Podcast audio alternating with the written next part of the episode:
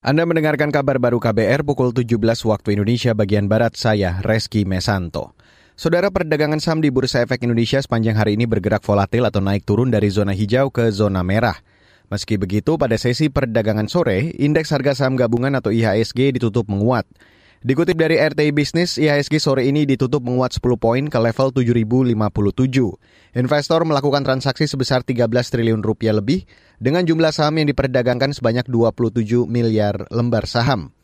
Sebanyak 270 saham menguat, 245 terkoreksi, dan 160-an saham stagnan. Sementara itu, mata uang rupiah masih mengalami koreksi. Sore ini rupiah ditutup melemah di level 14.934 rupiah per 1 dolar Amerika Serikat. Beralih ke berita selanjutnya, Saudara. Kepolisian belum menemukan unsur pidana dari temuan beras bantuan sosial atau bansos sebanyak 3,4 ton yang dikubur oleh perusahaan jasa pengiriman JNE di Depok, Jawa Barat. Hal itu disampaikan juru bicara Polda Metro Jaya Endra Zulpan. Hasil pemeriksaan yang dilakukan oleh penyidik sampai saat ini tidak ditemukan adanya unsur pidana di dalamnya. Kemudian beras yang ditanam ini adalah beras yang rusak. Kenapa ditanam? Ini merupakan mekanisme yang dimiliki oleh JNE sebagai perusahaan dalam memusnahkan barang-barang yang rusak. Jadi penanaman ini dalam rangka pemusnahan terhadap barang yang rusak. Juru bicara Polda Metro Jaya Endra Sulpan menambahkan 3,4 ton beras bansos yang rusak telah diganti oleh JNE ke Kementerian Sosial.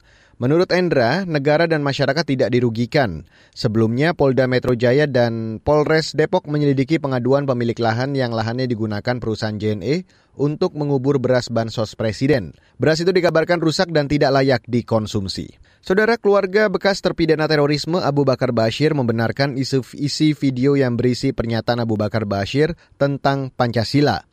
Dalam video itu, Bashir menerima keberadaan Pancasila dan menganggap Pancasila terutama sila pertama sesuai ajaran Islam tentang Tauhid. Informasi selengkapnya kita bergabung bersama kontributor KBR, ada Yuda Satriawan. Yuda.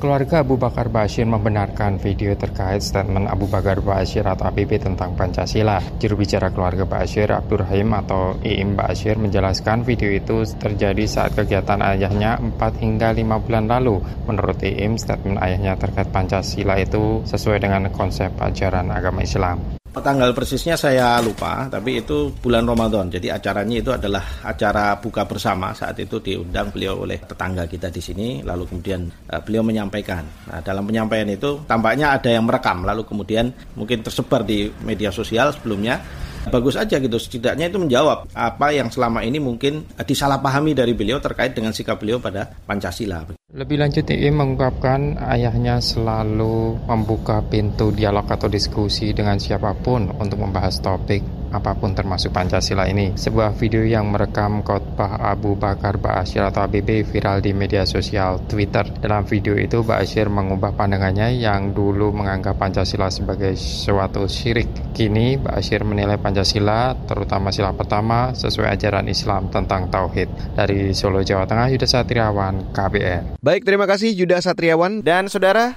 Demikian kabar baru, saya Reski Mesanto.